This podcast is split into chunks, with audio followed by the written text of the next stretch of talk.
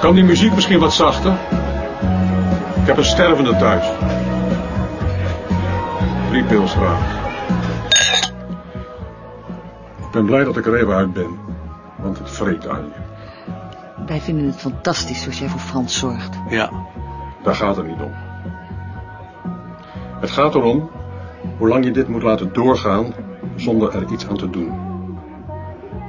Op een gegeven ogenblik wordt het ontluisterend. Heb je daar al eens met zijn huisarts over gepraat? Die wil me zoveel morfine geven als ik hebben wil. Maar hij wil er niks mee te maken hebben. En Frans? Frans vindt dat ik maar moet beslissen. Je wilt er alleen wel eens over praten. Dat begrijp ik.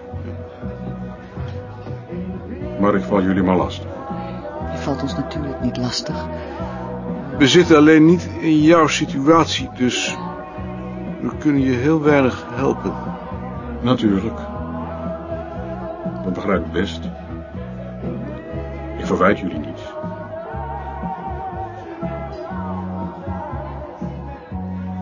Wat is de uitwerking van morfine eigenlijk? Je hoeft alleen maar een overdosis te geven. Daar merk je niks van. En verdraagt zo'n lichaam dat? Eén injectie.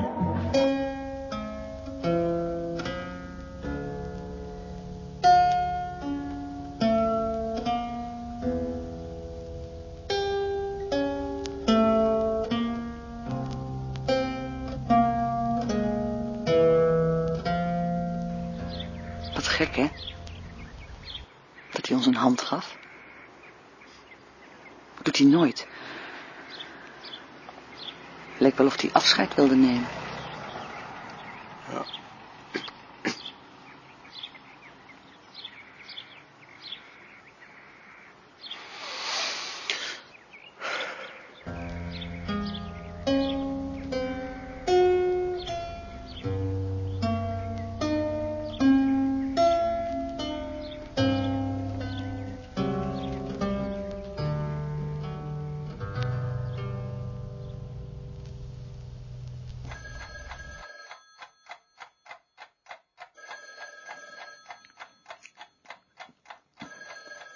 Telefoon gaat.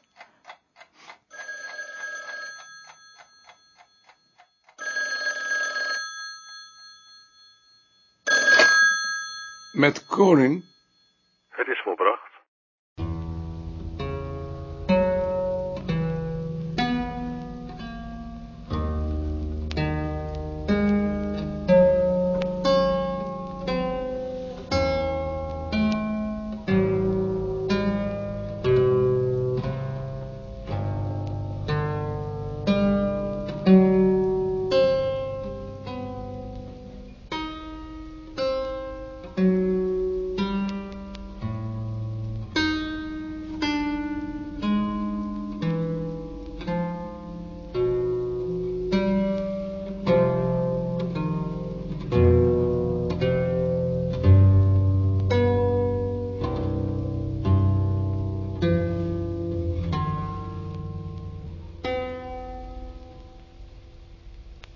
Meneer Van der Marel, ik ben koning.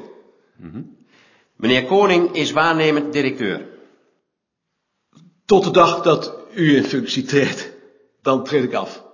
De bedoeling is dat je je eigen waarnemer kiest. Zal ik de leiding maar nemen? Graag. U weet hier de weg. Dan stel ik voor dat we eerst het gebouw rondgaan, zodat meneer Van der Marel gelegenheid heeft om met de medewerkers kennis te maken.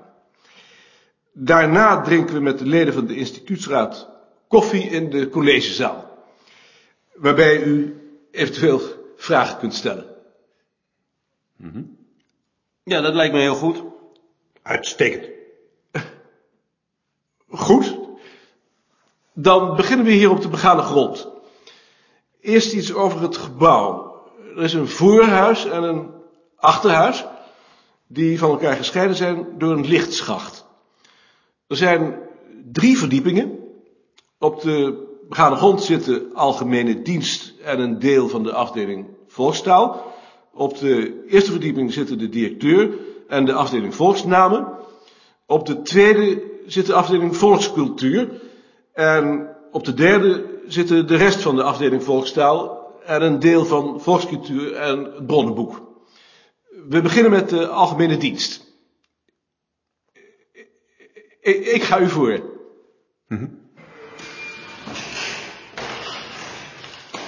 Dit is de keuken. Daar zit meneer Wigbold. Meneer Wigbold is conciërge en als gevolg van de bezuinigingen nu ook telefonist. Goedemorgen. Juist. Ja, en meneer Wigbold schenkt toch ook thee en koffie? Dat doet hij ook, ja. En dan is dit de administratiekamer met de heren De Rook en Pandé. De rook heeft nog bij ons gewerkt. Dat heeft het voordeel dat hij volledig op de hoogte is. En dan gaan we nu weer via de hal naar de bibliotheek. Hé, hey, hallo, Dick. Hoe gaat het met jou? Nog wel gefeliciteerd, zeg. Dag, meneer Meter. Dag, meneer Goslinga. Leuk dat u er ook bent. Zijn jullie al boven geweest? Nee, we komen nog. Oh, gelukkig. Ja, dat komt. Ik kon niet zo gauw bij de kinderen weg, want Frank had ook iets vandaag. Je hebt niks gemist. Tot zo dan, Dick. De bibliotheek is in het achterhuis. En dit is de koffieruimte. Die bevindt zich op de bodem van de lichtschacht. Onder een glazen kap met een loket naar de keuken. Vroeger was dit een bank. En dan komt u door deze deur in het achterhuis. Met de trap naar boven en de deuren naar de bibliotheek en de tuinkamer. In de bibliotheek zit mevrouw Van Idegem.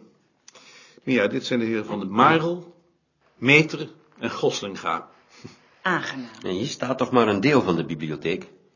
Alleen de algemene tijdschriften en een deel van de naslagwerken. Voor een bibliothecaris is dat heel lastig. Er wordt wel eens te weinig rekening mee gehouden. Mevrouw Van Idegem zou het liefst naar een nieuw gebouw gaan, waar de hele bibliotheek in één ruimte zit, maar de afdelingen denken daar anders over. Er komt nog bij dat hier nooit zon komt.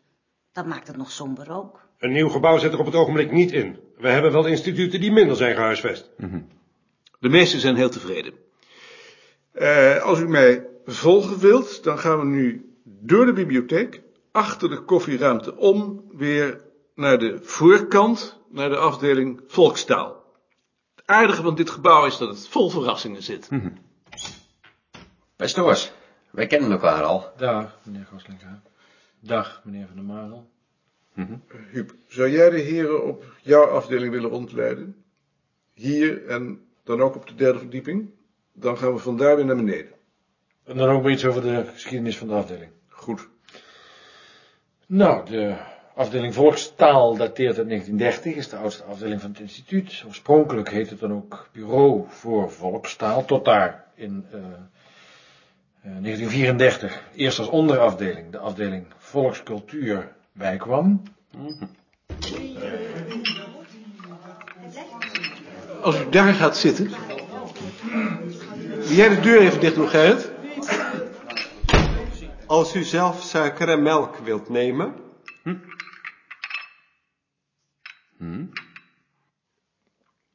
Meneer van der Marel. Laat ik beginnen met u hartelijk welkom te heten. U hebt zich in het afgelopen uur een eerste indruk kunnen vormen van ons instituut. Als ik me niet vergis, bent u hier nog niet eerder geweest. Ik kan me dus voorstellen dat u op grond van die indruk nog geen oordeel hebt kunnen vormen. Te meer niet, omdat het instituut waar u vandaan komt in geen enkel opzicht te vergelijken is met het onze.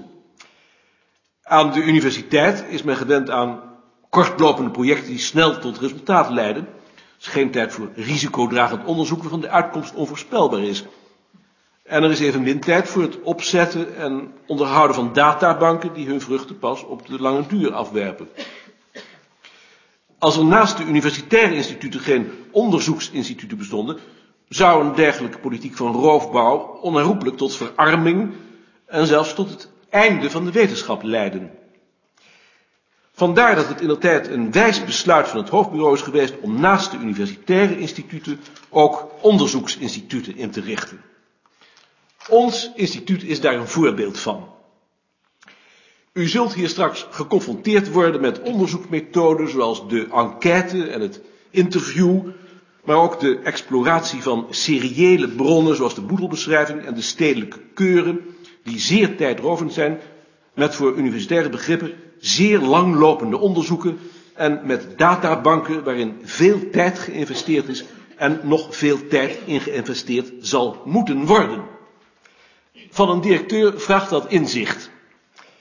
Eh, en begrip. En vooral ook de bereidheid om die waarden met overtuiging tegenover de buitenwereld te verdedigen, waartoe in deze tijd van bezuinigingen tot mijn verdriet soms ook het hoofdbureau behoort. Dat het hoofdbureau geen begrip heeft voor het instituut.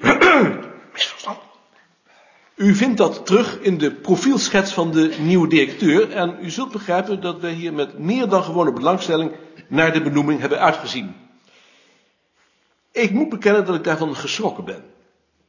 Ik heb meteen na uw benoeming alles gelezen wat u tot nu toe geschreven hebt en ik heb daarin geen enkele affiniteit gevonden met het onderzoek of de onderzoeksmethode die hier verricht worden. Ja, nou ja. Manier waarop die hier, hier presenteert. Dat hoeft geen bezwaar te zijn, maar het is wel een handicap. Het betekent dat u de eerste tijd vooral zult moeten luisteren. Laat ik daar meteen aan toevoegen dat ik geen enkele reden heb om te veronderstellen dat u dat niet zult doen. Wat dat betreft heb ik alle vertrouwen in het oordeel van de selectiecommissie. Van onze kant kan ik u de verzekering geven dat wij u loyaal tegemoet zullen treden en u in het uitoefenen van uw nieuwe functie alle steun zullen geven die binnen ons bereik ligt. Ik wens u veel sterkte.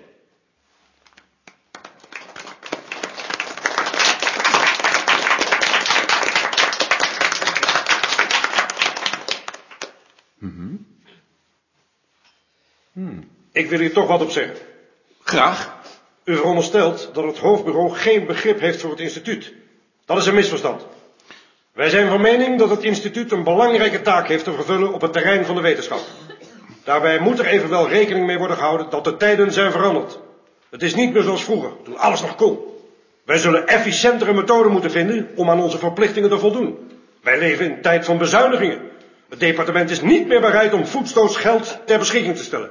Wij moeten daar rekening mee houden. En dat is de taak van de nieuwe directeur. Het hoofdbureau zal hem daar graag bij steunen. Wij verwachten dat het instituut daar begrip voor heeft. Uiteraard. Dat heb ik u toch goed begrepen. Eh, Ik weet niet of er nu al vragen zijn. Dan sluit ik deze bijeenkomst.